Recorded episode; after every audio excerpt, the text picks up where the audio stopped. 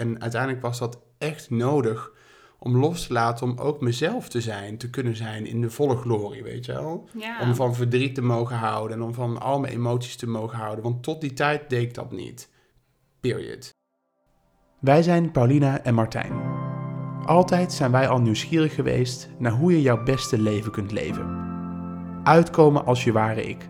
Volkomen jezelf zijn en authentiek leven, daar geloven wij in. Maar hoe doe je dat?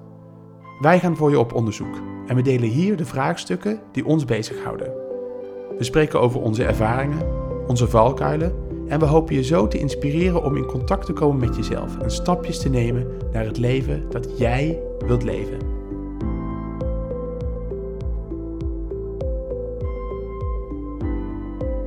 Nou, eh, het heeft even geduurd, maar we zijn er weer met Ja. aflevering 9. En daarmee ook de ene laatste aflevering van eh, dit eh, eerste seizoen van Coming Out, wat we hebben opgenomen. En we hebben besloten om deze laatste twee afleveringen een paar vragen voor elkaar voor te bereiden. Ja, jij hebt vragen voor mij voorbereid. Ja, want deze aflevering heb ik vragen voor jou voorbereid. En dan doen we hem de laatste aflevering andersom. Ik ben heel benieuwd. Ik ben een beetje bang. Waarom? Nou, ik, weet, ik weet niet wat jij mij gaat vragen. Ja, maar jij zei dat je dat niet zo erg vond. Dat ik meer de control freak ben van ons twee, die altijd... Jawel, dat is ook zo. Maar ik vind het wel mooi als we elkaar dan toch dingen vragen. Dat, het ook, eh, dat je toch, nou, ik denk, kwetsbaar opstelt in ieder Ja. geval. En ik weet niet wat er komen gaat. En normaal weten we alle twee wat het script ongeveer een beetje gaat zijn. Behalve dat ik altijd jou verras met onverwachte vragen. Dus Ja. ik ben heel benieuwd. Oké, nou, Gaan ik ben we- ook benieuwd wat je gaat antwoorden. Oké, nou, ik ga ervoor zitten. Je mag, eh, je mag alles, alles aan me vragen. Ja, nou ja, want we hebben natuurlijk in de eh, laatste afleveringen, of eh, ja, in de laatste afgelopen acht afleveringen hebben we het gehad over ehm, allerlei verschillende onderwerpen in verband met authenticiteit en hoe we daarover nadenken. Maar ik dacht, het is ook leuk als mensen wat meer de persoon eh erachter leren kennen. Ja, Ik, eh, ik ga gewoon beginnen. Ik heb een paar vragen voor je voorbereid. brandlos. En als eerste Het is vraag... helemaal een beetje een soort eerste date gevoel. Ja, wel hè?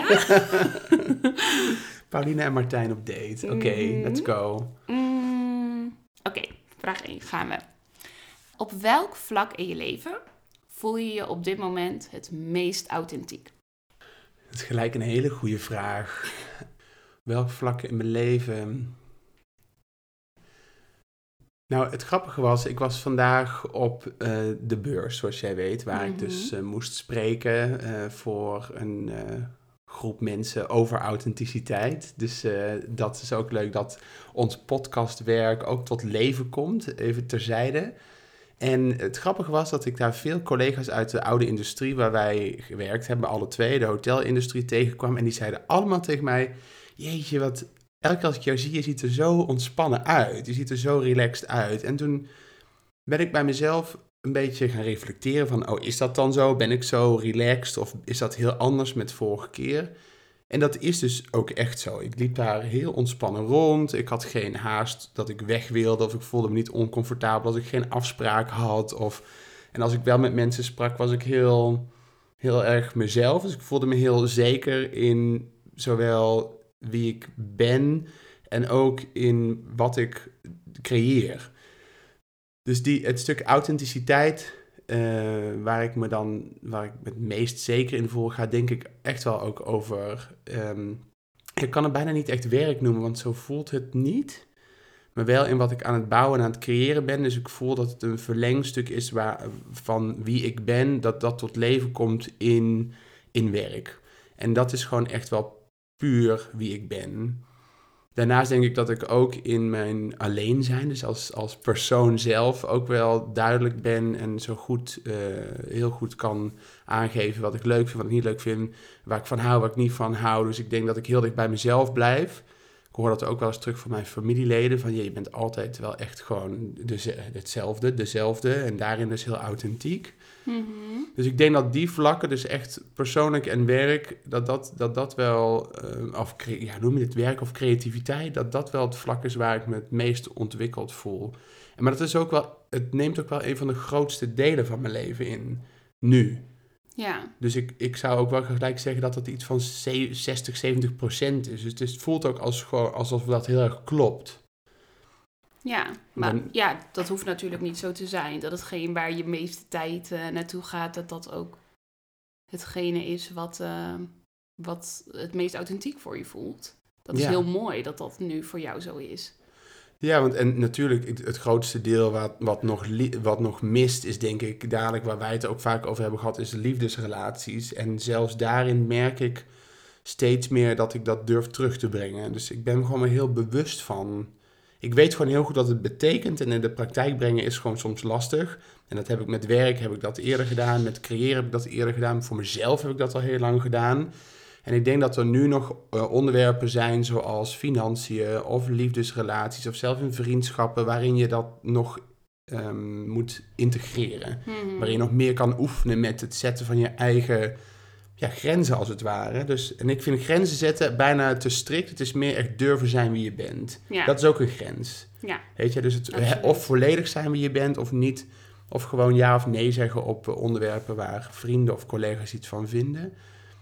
En of liefdesrelaties iets van vinden. Dus ja, ik ben eigenlijk wel heel blij met mijn authentieke, authentieke zelf. Dus maar eh, in, Ja. geïntegreerd, kort eh, antwoord op, lang, op een lang verhaal, is eh, dan werk, creatie en, en mijn persoonlijke zelfontwikkeling. dus eigenlijk zeg je wel, je voelt je het meest authentiek op dit moment in je werk. Ja, omdat het zo'n verlengstuk is van, van mijn passie. Ja, mooi. Ik voel dat heel erg. Dat het, daarom, voelt, daarom vind ik werk niet het juiste woord. Nee. Want ik werk ook bij de Oval Office, Mhm. parttime. Dat is Mhm. mijn werk. Ja, Maar het, echt het creëren wat ik doe, dat is echt wie ik ben. En dat voelt niet als werk, maar dat is ook werk. ja, Als in zoals wij het bestempelen. hè. Ondernemen is ook werken, ja. ja. Ja. Maar dat is ook heel erg natuurlijk het stukje eh, making a living out of what you like to do the most. Ja, Ja, ik denk het. Ik denk het. En daarin valt echt nog ook wel te leren hoor. Want eh, vandaag stond ik dan ook eh, op dat podium als panelleider. En dan sta ik daar achteraf en denk, nou, vond ik echt wel leuk. Was goed om te oefenen. En ik wil graag meer spreken. Ik had vanochtend een meditatie voor mezelf. En eh, ja, ik vind mediteren, je weet hoe dol ik daarop ben. Mm. Ehm, en het, het brengt me elke dag wel weer wat nieuws. En vanochtend had ik ook heel duidelijk het gevoel van eh, eh, alsof de passie, het gevoel naar boven kwam in de essentie van mijn purpose. Hè, mijn doel is leren en spreken. Dus ik leer dingen, ik neem dingen op, ik zie dingen, ik lees dingen, ik doe cursussen, maar en ik wil dat weer vertalen naar de mensen. En dat doe ik door middel van, van spreken. Dus Ja. of dat nou is in een online cursus of een audiobestand of een podcast of op een podium, maar ik wil dat overbrengen in spraak. En eh, dat kon ik bijvoorbeeld als panelleider niet doen, want dan ben je eigenlijk maar een heel klein onderdeel van de discussie. Dus Ja, daarin is, daarom is in dat pad ook, be- ben ik ook nog aan het onderzoeken, maar wel daar heel makkelijk in om ook te zeggen, oh nee, dit is het dus niet. Dus ik ga nu opzoeken waar Ja. mijn energie wel naartoe vloot. En dat vind ik authentiek. ja, Dat voelt gewoon heel erg ver- vertrouwd. Ja. En het is eh, meteen een mooi bruggetje naar een volgende vraag die ik voor je heb. Want je zei het zelf. Mooie vraag trouwens. Thanks. Ja, als ik je nu zou vragen, wat is eigenlijk jouw soul purpose? Wat denk jij met het huidige weten in het nu, met het huidige voelen? Wat denk jij wat dat is? Het is zo grappig dat je dit zegt, want ehm, ik probeer daar, ik heb daar toevallig eh, vandaag, was het vandaag of gisteren? Nou, ik, ik ben een hele mooie podcastserie aan het luisteren en die kennen mensen misschien, misschien wel, de Diaries of a CEO. Nee? Nee. Je- nou, dat nee, is ik heb nog nooit gehoord. echt een aanrader, Diary of a CEO, eh, Steven, ik weet zijn achternaam even niet meer, maar die spreekt hele mooie gesprekken ook, ook met bijvoorbeeld Jay Shetty of met eh, alle andere bekende Mark Manson, nou, al dat soort mensen in die, in die Mhm. wereld, hè, die daar heel groot in zijn geworden, vooral in de US ook, ja. heeft hij gesprekken mee. En ehm, volgens mij was dit met ehm, eh, Simon Sinek, die man van eh, Start With Why. Start dat With boek. Why, ja. Die was, dat was hem. En toen gingen ze het ook hebben van, hè, want hij doet sessies met mensen over het vinden van hun why in leven. hè. ja, dus waar- niet alleen business, maar je eigen why. ja, ook je eigen why. En daardoor werd ik natuurlijk zelf een beetje aan het, aan het denken gezet. Plus die meditatie die ik vanochtend ervaarde ook. En toen dacht ik ook op basis ook wat hij zei. Breng jezelf eens terug naar, naar, wat je, toen je jonger was. Of wat je vroeger goed deed of graag deed. Wat van nature kwam. En wat ik gewoon weet van mezelf is dat ik van nature en altijd heb gehad dat, het, dat ik een soort verzorgend aspect heb naar mensen toe door middel van luisteren en uh, gesprekken voeren. Dus er zijn voor iemand en daar bijna, het voelt een beetje, zonder daar arrogant uh, mee over te komen, helend als ik dat voor mensen met mensen doe. Ja. Dus ik heb echt wel het gevoel, ook met, met wat ik net eerder zei, dat ik wil leren en spreken, dus dat overbrengen en met mensen in gesprek gaan en luisteren, dat dat iets is wat ik heel graag doe en wat mensen heel erg helpt. Mhm. En dat vind ik gewoon, uh, dat, dat lijkt dan niet bijzonder omdat het zo van nature komt, maar ik weet dat dat dat wel is. Omdat dat gewoon niet voor iedereen vanzelfsprekend komt. Nee. Dus daarmee, dat is dan, is dat dan mijn purpose. Als purpose niet alleen werk is, dan is het wel dat, denk ik. Dan zou ik zeggen, even in onze woorden, helend zijn in aanwezig zijn of luisteren of, Oh, ja. uh, of gesprek, voor, gesprek voeren. Ja, ik denk dat dat wel iets is wat mij gewoon heel goed ligt. En wat ik ook met warmte, dan wordt mijn hart direct warm van als ik dat kan doen. Snap je? Dat is iets wat gewoon echt vanuit mij stroomt. En uh, wat ik heel graag met mensen deel. Mooi. Dus dat is denk ik. Wat maar ik even iets meer ter verduidelijking, verduidelijking. Want we hebben het er natuurlijk wel eens over. Ik ben ook best wel een luisteraar. En we hebben het er ook best wel over dat ik ook bij jou aangeef van ja, um, dat voelen mensen ook. Dus mensen komen echt bij je. En uh, soms is het ook echt energy dumping wat mensen kunnen doen. Ja. Um, waar een stukje ownership vaak ook in ontbreekt. Dus als je het hebt over graag ook willen luisteren, in wat voor setup bedoel je dat dan ook vooral? Nou, ook dat was eigenlijk even daar uh, weer op inhakende. Dan, ik, ik heb het idee dat je wil vragen ook dat je hoe zet je voor jezelf, hoe je voor jezelf moet zorgen in dat.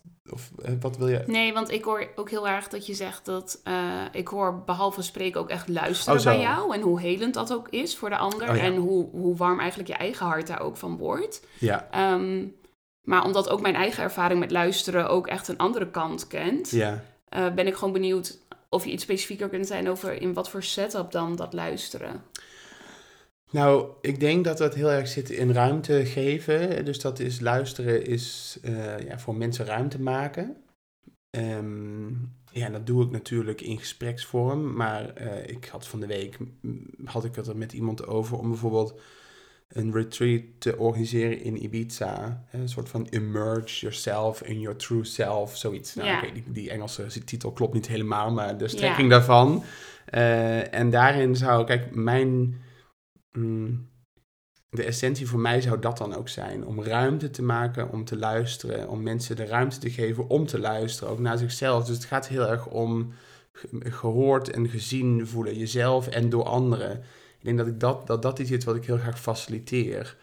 Um, dus dat zou in verschillende vormen kunnen. Ik vind een coachinggesprek vaak best wel, als, als ik aanhaak op wat jij net zei, best wel intens. Omdat dat heel erg soms kan uh, gaan over het hangen aan iemand. Hè? Een coach die kan ook wel worden gebruikt om een verhaal kwijt te kunnen. En dan Ja. de, de, de, de deur uitlopen en de deur dicht te slaan. En dan kan iedereen iemand zeggen, dat is misschien geen goede coach, whatever. Maar daar ben ik ook heel gevoelig voor. Eén Ja. op één vind ik dat best intens.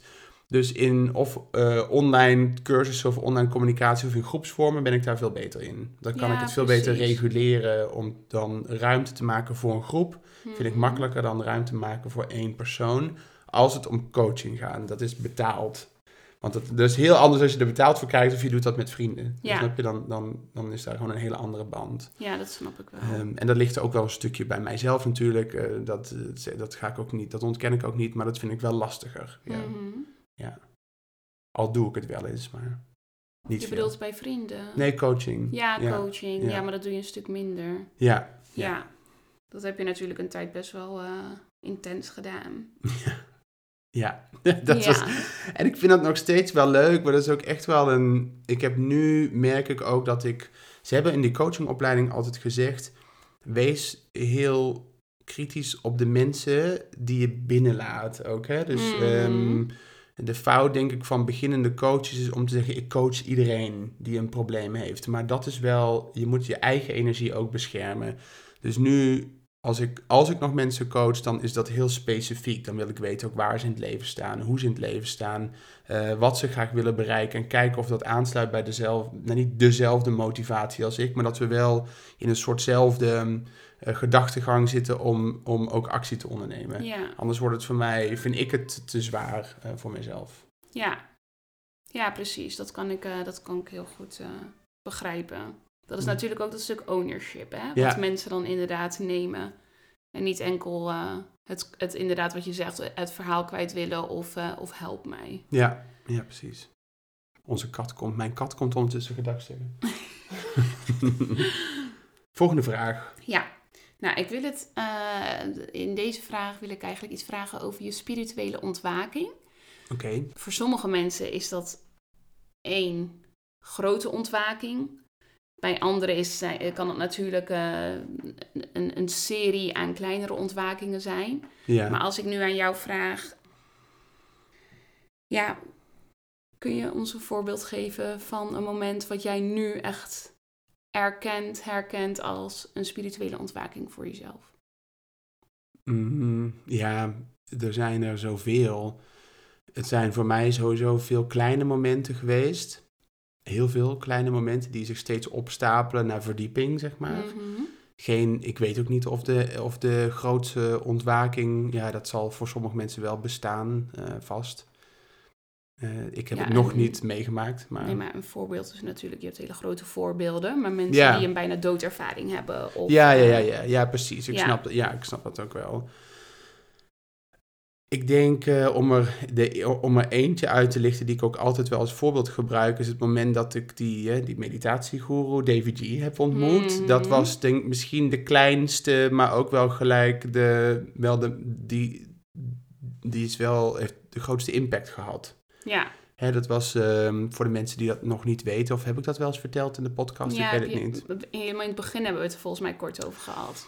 Ja, ja dus die, die man die dan zijn boekpresentatie kwam geven in Amsterdam en dat wij daarbij mochten zijn, ja, en hij dus die oefening deed.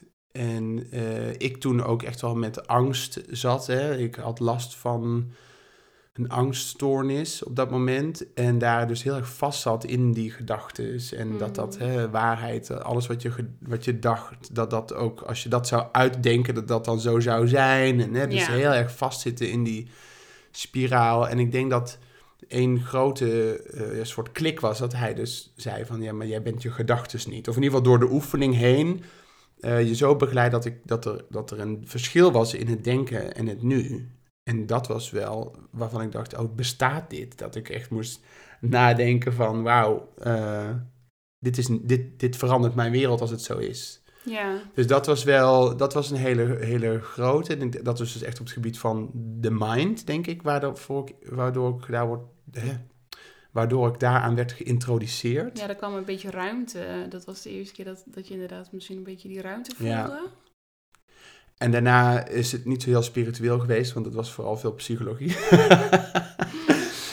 maar ik weet ook nog de dag dat ik voor het eerst op een eh eh, Vipassana-retraite ging. Mhm. Het was een zevendaagse stilte-retraite, ergens in Drenthe geloof ik.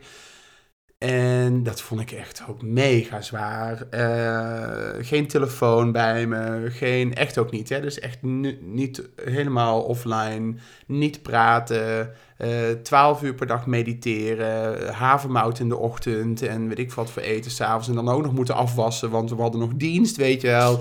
En dan had je één keer in de twee dagen, kon je dan bij zo'n coach zitten, gaat het wel goed? En dat ik dan eigenlijk kaart wilde janken en zei, nee, het gaat prima. Oh nee, dan mocht ik heel even praten. Het gaat prima. Ja, Weet je, het is ja. echt gewoon- Maar het was zo overweldigend. En uiteindelijk, ik weet, ik weet niet zo heel goed, in mijn leven zijn er een paar momenten gebeurd die ik niet zo goed kan beschrijven als het gaat over spiritualiteit. Maar die hebben heel erg te maken met, met eh, flashbacks en, en he- herinneringen of beelden. En die heel erg eh, alles betekenend waren voor een soort van helingproces, denk ik. En dat, die, dat was toen dat ik op een gegeven moment... Ja, ik had zeven dagen die retraite gehad en we hadden die ehm, afsluitende ronde Of nee, we gingen naar de afsluitende ronde toe. Hè, dat je met z'n allen in die ruimte gaat zitten in een cirkel, twintig mensen. En dat je dan wat mag zeggen. En eigenlijk ga je dan delen hoe het was geweest voor je. Ik weet nog, er zaten die vrouwen, waren heel veel vrouwen. Ik was denk ik de enige man. En die zaten daar met hun hand op hun hart een beetje te wiegen op zo'n meditatiekussen. En die zeiden, oh, ik vind het altijd zo fijn. Ik vind het altijd zo fijn. Het is echt zo'n blessing. Nou, en ik... kon wel, ik kon daar wel stenen toe gooien. Ik dacht, Ja. hoezo was dit fijn voor jou? Weet je wel? Ik zat er echt... Op het begin, nou, ze waren, elke keer kwam er iemand dichter bij mij. En ik denk al, al bijna dat er drie mensen na, voor mij waren. Dat ik al bijna moest janken. Want ik denk, oh, nou mag ik eindelijk iets zeggen. Ja. En toen was ik aan het woord en ik kon alleen maar huilen. Ik kon alleen maar huilen, huilen, huilen. En dat komt ook omdat ik eh, net daarvoor zat ik... Ik dacht dus, oh nou, ik dacht eigenlijk die retret heeft me niks gebracht. Dat dacht ik echt. Maar ik voelde ook heel veel ongemak in mijn lijf. Alsof, alsof er iets, zeg maar, als een soort champagnefles... die soort van alles opgebotteld Ja. was, maar het kwam er maar niet uit of zo, Ja. weet je wel? En op een gegeven moment toen ja, ging ik even weg en het was afgelopen en ik was opgelucht en ik ging ergens zitten en ik moest heel hard huilen al alleen. En, en ineens flitsen er allemaal beelden voorbij die, die ook niet bekend waren van mij. Dit waren ook geen herinneringen, want het waren echt... Ik weet bijvoorbeeld heel goed dat ik een pad voor me zag met een man en, en een kind naast aan, of, eh, aan een hand. En op een gegeven moment dat kind achterom keek en dat er niemand meer was. En die liep daar als jong kind alleen op dat pad. En het was echt zoiets van ik heb dit, het gevoel van ik heb altijd zoveel alleen moeten doen. Gevisualiseerd in een beeld wat, wat, Bizar, wat hè? helemaal niet bestond voor Nee. mij. En dat triggerde zoveel in het soort helingproces van de scheiding van mijn moeder, verdriet wat er was, het alleen als kind heel erg alleen gevoeld hebben in het proces van opgroeien, denk ik, en het te, te, te maken hebben met emotionele, whatever, obstakels. Eh, dat, dat was ook wel een spirituele awakening, want het heeft uiteindelijk het, de, het helingproces van de scheiding van mijn ouders op 27, 28-jarige leeftijd nog op gang gebracht. Eh, en daar moest ik zo huilen in die cirkel, want ik zat helemaal vol met, Ja. met, met verdriet. En dat bleef toen maar stromen. Even tussendoor. Ben jij al vriend van de show? Je kan namelijk vriend worden van Coming Out, de podcast. Daarmee steun je ons niet alleen en help je ons om onze afleveringen te verbeteren, maar krijg je ook toegang tot exclusieve content. Je kunt vriend worden van de show door te gaan naar www.vriendvandeshow.nl en onze podcast daar op te zoeken. Coming Out, de podcast. Ja, en, en de laatste zal ik er nog bij noemen, is die, eh, eh, die energetische healer waar jij mij ooit naartoe gestuurd hebt. Ja. waar ik trouwens niet ben gekomen. Hè? Ik, was, ik had een andere. Jij had mij een dame toegestuurd. Ja, maar je bent ook bij haar geweest. Ja, pas, pas drie keer later. Oh ja, oké, ja, maar de, ja. Maar die eerste, ja, ik weet niet voor de luisteraars of je ooit zoiets hebt gedaan, maar energetische healing, nou, wauw. Ja, de eerste keer, ik wist echt niet wat me overkwam. Maar ik vraag me alleen af, want het, het was wel een ander soort healing, toch? Dan de dame waar we allebei zijn geweest. Ja, zij was ook eh, medium, healing. medium. De dame waar we allebei zijn Nee, waar ik was. Oh, oké. Maar het was geen Tibetaanse healing. Dat weet ik niet. Om er meer context eh, te geven. Dat weet ik niet, of zij Tibetaanse was healing. energy release. Energy, Zoals ja, degene, de, degene die, eh, die de healing met ons beiden heeft gedaan. Ja, de- dat was Tibetaans, zei je dat? Ja. ik weet niet wat het verschil is met die andere. Nou, dat ook voornamelijk, hoe die energie dus loskomt. Ja, oké, maar zij deed vooral heel veel gapen. Ja, maar dat kan ook. Het is Ja. of gapen of boeren Ja. inderdaad. Hoe dat dan, ja. Oh, ik weet nog goed met eh, die waar wij zijn geweest, die vrouw. Ja, ik zal voor discretie laten we haar naam maar even erbuiten. Maar dat zij ook op een gegeven moment ook in die ruimte was. Ja, ik zal zo uitleggen waar, wat Ja, het betekent. dit is maar inderdaad... een beetje vaag allemaal. Maar ik weet ook, het is eh, met energetische healers, zij laten energie dus los wat er bij jou eh, vastzit. Hè. Dat kunnen zij losmaken door, ik weet niet precies hoe, maar om daar in te tunen of in aanraking mee te komen. En ik weet nog wel met die derde keer, dus met die dame waar wij zijn geweest. Ik zat, lag in een ruimte en er was, er was best wel een grote ruimte. En zij ging alleen even de deur op slot doen. En het was denk ik vijf meter bij mij vandaan. en zij stond bij de deur. En ze begon al te boeren. En toen zei ze, nou... Zo van, hallo Martijn. Ik had nogal een groot energieveld, zei ze. dus ze stond daar al vijf meter afstand al te boeren en al lekker, lekker energie los te maken. Ja, Maar nee, die, dus nou ja, goed voor de, voor de luisteraars. Um, is healing. Ja, ik weet dat jij daar ooit bent geweest. Jij bent bij die dame geweest.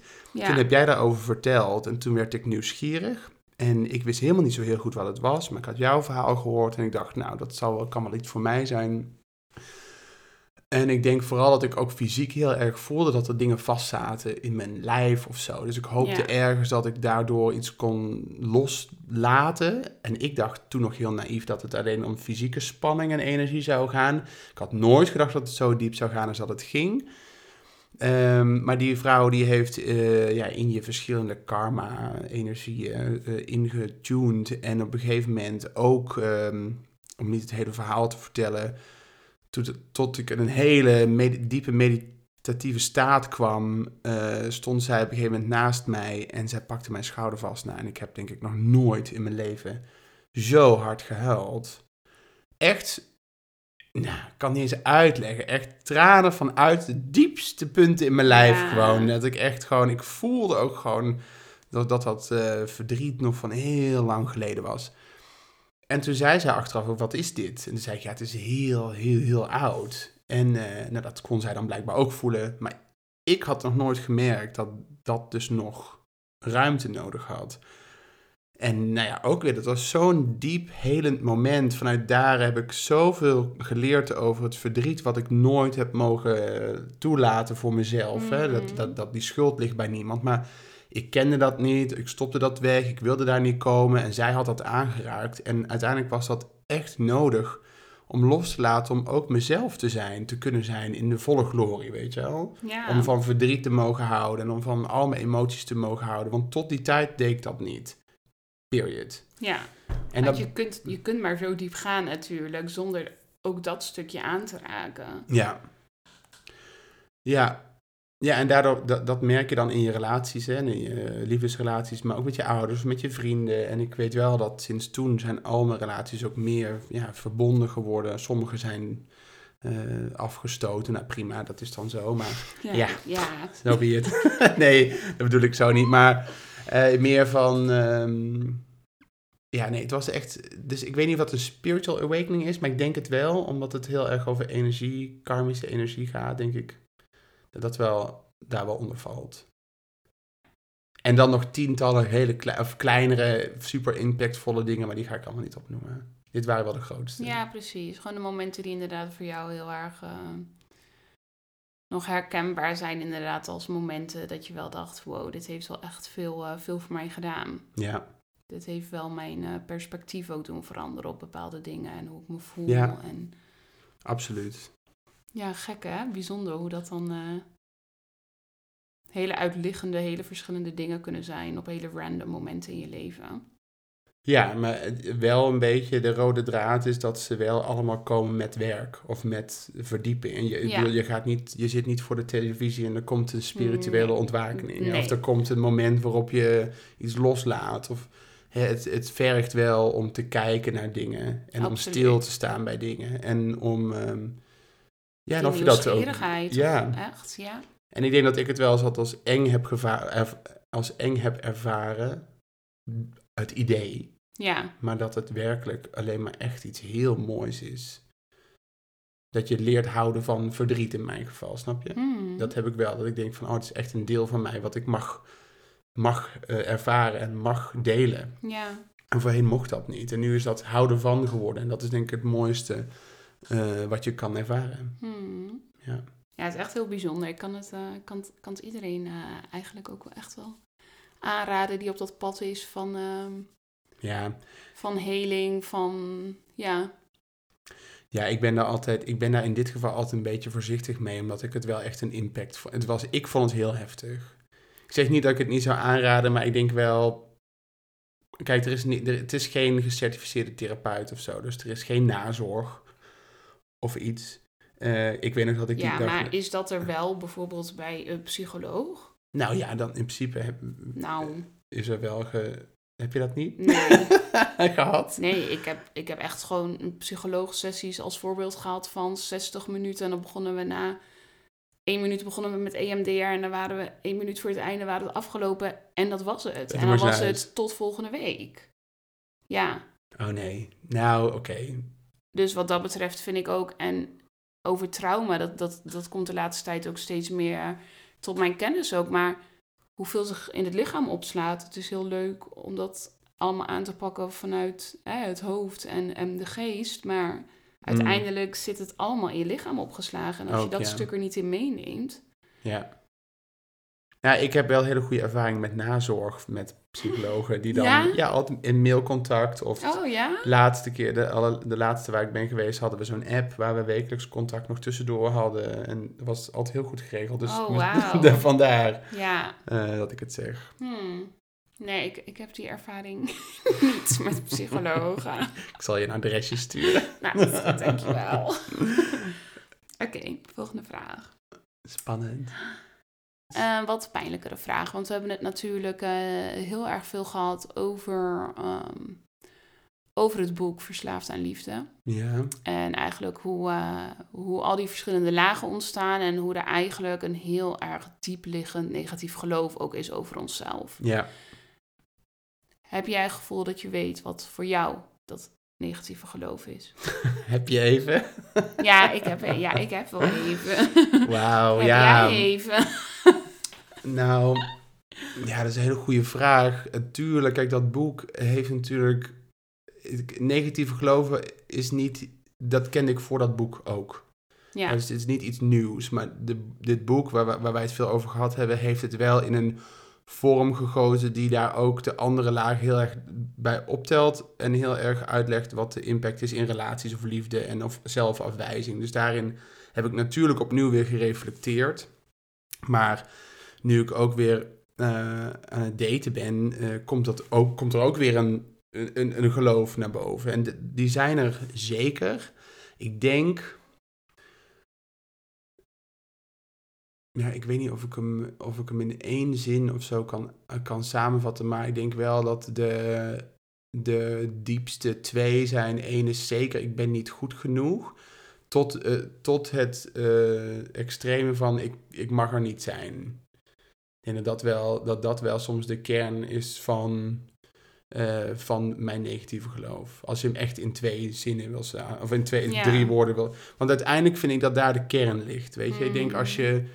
Je kan als negatief geloof hebben, ik mag niet te veel praten of zo, maar daaronder ligt, ik noem maar wat even iets, iets wat, wat hoger aan de oppervlakte, maar in de diepte komt het denk ik wel uit op deze, ja. op deze kern. Ik, ik ben niet goed genoeg, ik verdien het niet, of ik ben het niet waard, of mag er niet zijn, of wat dan ook. Ja, die, is, die ligt wel daar, die ligt er zeker. Ehm, en die is er op verschillende, in verschillende elementen, eh, toont die zich op een andere manier. ja. Kijk, in relaties is die anders. Eh, op het gebied van vriendschap is het anders. Op het gebied van eh, werk is het anders. Op het gebied van mijzelf is het anders. Het is maar net op welk moment en wanneer het opspeelt... waarin het geloof weer opspeelt in een bepaalde gedachte, denk ik. Het goede is wel dat ik heb geleerd dat je de, je hebt de, de good wolf en de bad wolf. Het is maar welke wolf eh, voed je het meest, die komt het meeste terug. Dus eh, wat ik mooi vind aan het ontdekken van je negatieve geloof of je negatieve overtuigingen, is één, je hoeft ze niet te elimineren, want dat gaat je waarschijnlijk toch niet lukken. Dus ze zullen, zullen er altijd zijn. Mhm. Dat maakt het ook gelijk een heel stuk makkelijker en mooier voor iedereen die luistert. Want dat kun je, daar kun je bijna de strijdbel dus neerleggen en begraven. Het gaat alleen nog om het feit, hoe ga ik ermee om? hoe reageer ik erop? En wat voor consequenties verbind ik eraan? En ik denk dat daar wat ik zeg, eh, dat je, als je gaat leren dat je eh, kunt zien dat negatieve geloven er zijn en bestaan, dat je de andere kant kunt voeden. Dat je het wel het jouw zijn of je authentieke zijn of jouw bestaan of de situatie of dat moment of je handeling of je idee of je impuls mag voeden die puur is. En nog steeds mogen voelen dat, die, dat het negatieve geloof er is. Dus om, dat om dat even erbij te halen is van ja, die heb ik, die ligt er, die is heel diep, die blijft er altijd. Maar ik ga er zo mee omdat hij er mag zijn en dat ik er steeds minder keuzes door laat beïnvloeden. Ja. Maar ik vind het moeilijkste in liefde. Ja. Dat nog even erbij. Ja. Ja. ja, want ik kan me heel erg met mannetje staan tegen vrienden. Of tegen, als, en nou, tegen vrienden ben ik denk ik wel redelijk zacht en vriendelijk. Maar in mijn werk of professioneel gezien of financiën of ha- alle, alle praktische zaken ben ik wel heel goed in. En daar kom ik ook heel ver mee.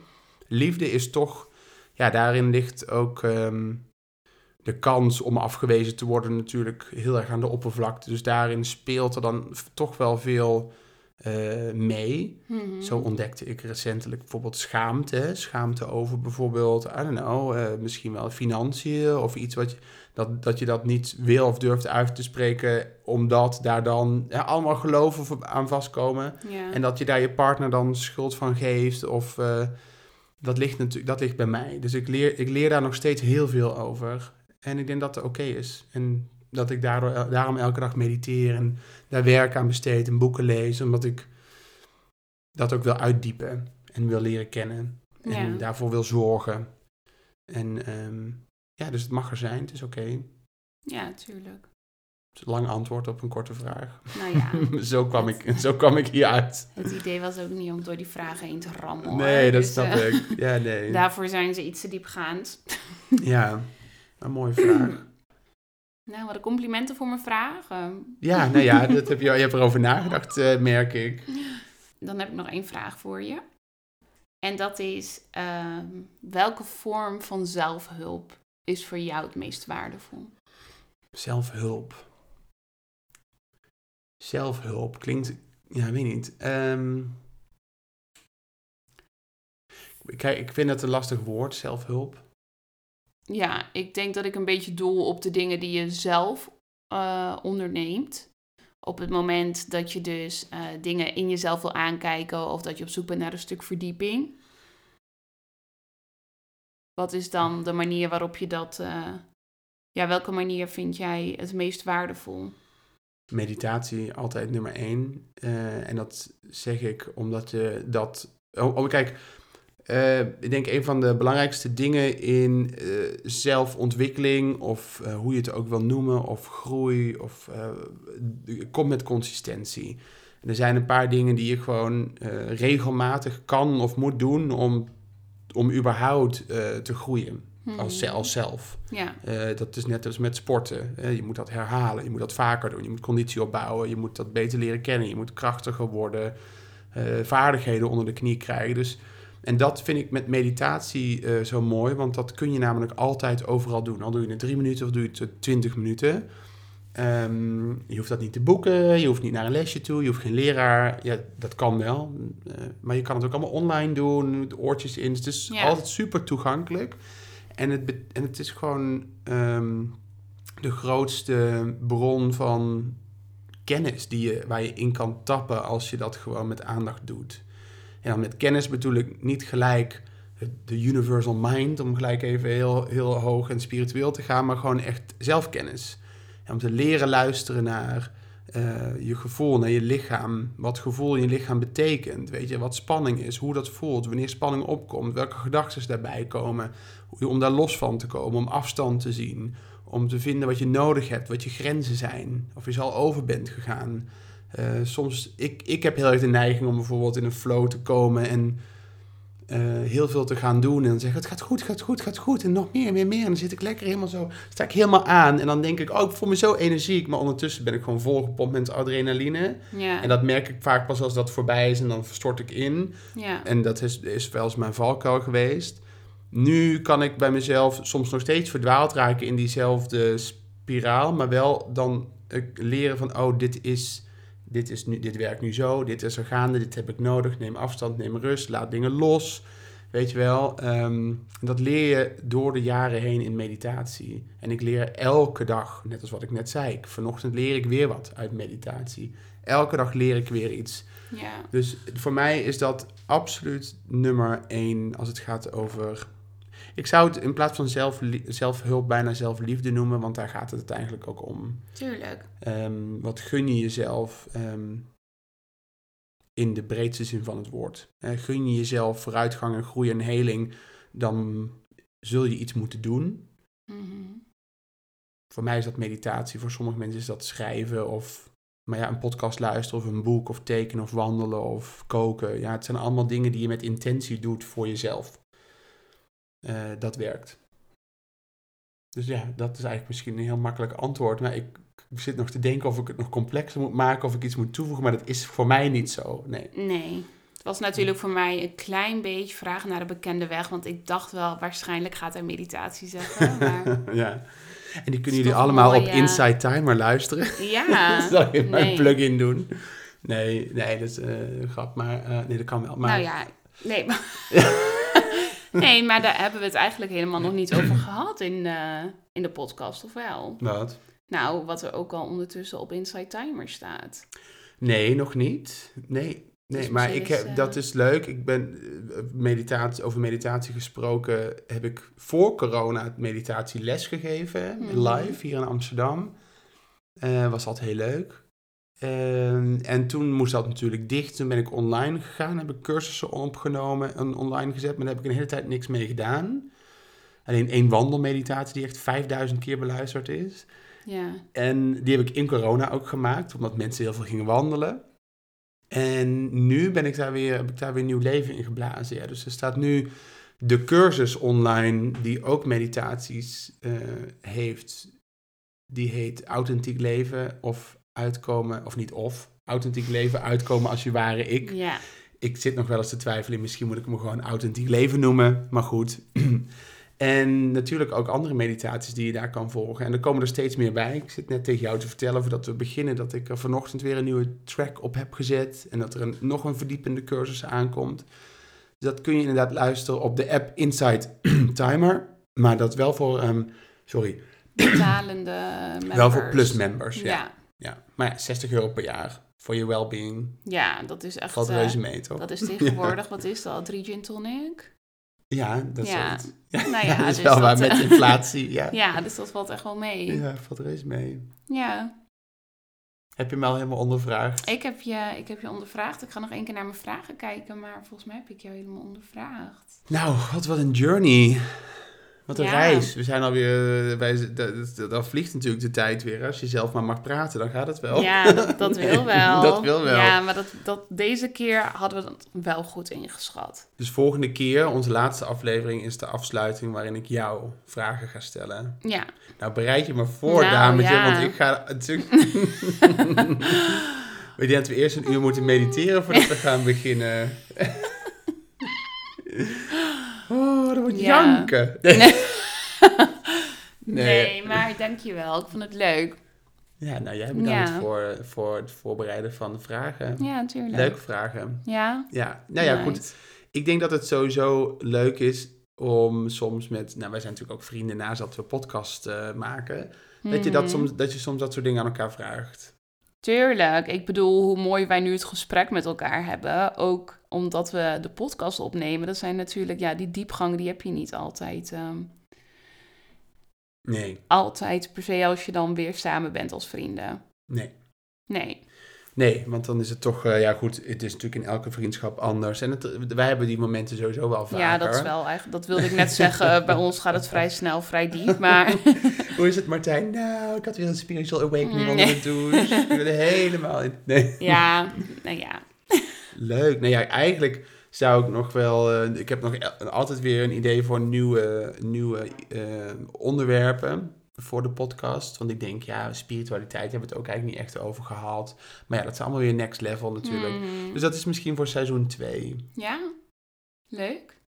We hebben sowieso nog even om daarop te broeden, toch? Ja, precies. Voorlopig eh, houden we het hierbij. Ja. Oké, Nou, dank jullie wel voor het luisteren. Dankjewel voor het luisteren. Zal ik nog de, de laatste afsluiting nog maar even doen? Ja, ja, dat laat het afsluiten. Nou, mocht je, ons, eh, mocht je vragen hebben over deze aflevering, dan kun je ons vinden op Instagram via @comingout met A-U-T-H en zelfs op TikTok. Maar daar zijn we wel inderdaad een beetje stil geweest de afgelopen tijd. Maar Ja. je kan ons daar wel bereiken voor vragen uit eh, Coming Out, de podcast. Ehm, en natuurlijk, eh, vergeet niet op het 5 sterren eh, knopje te drukken voor reviews hier op Spotify of Apple Podcast. Dus weer bedankt voor het luisteren en dan tot de volgende keer de laatste aflevering. Yes, ciao ciao.